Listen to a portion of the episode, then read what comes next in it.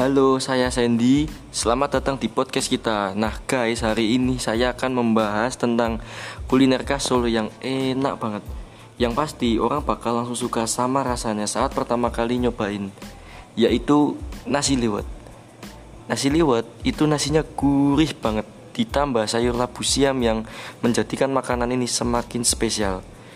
Makanan ini sangat cocok banget untuk sarapan dan makan malam di saat jam-jam lapar. Apalagi ya guys, ini kan bulan puasa.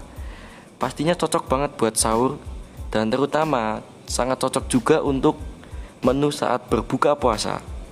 Pokoknya makanan ini wajib kalian coba kalau lagi berkunjung di kota Solo nih guys. Oke, demikian soal nasi liwet yang ada di kota Solo. Terima kasih telah mendengarkan episode podcast minggu ini. Untuk saran kuliner lain yang ada di kota Solo atau jika Anda ingin menghubungi saya, kunjungi kita.com. Sampai jumpa.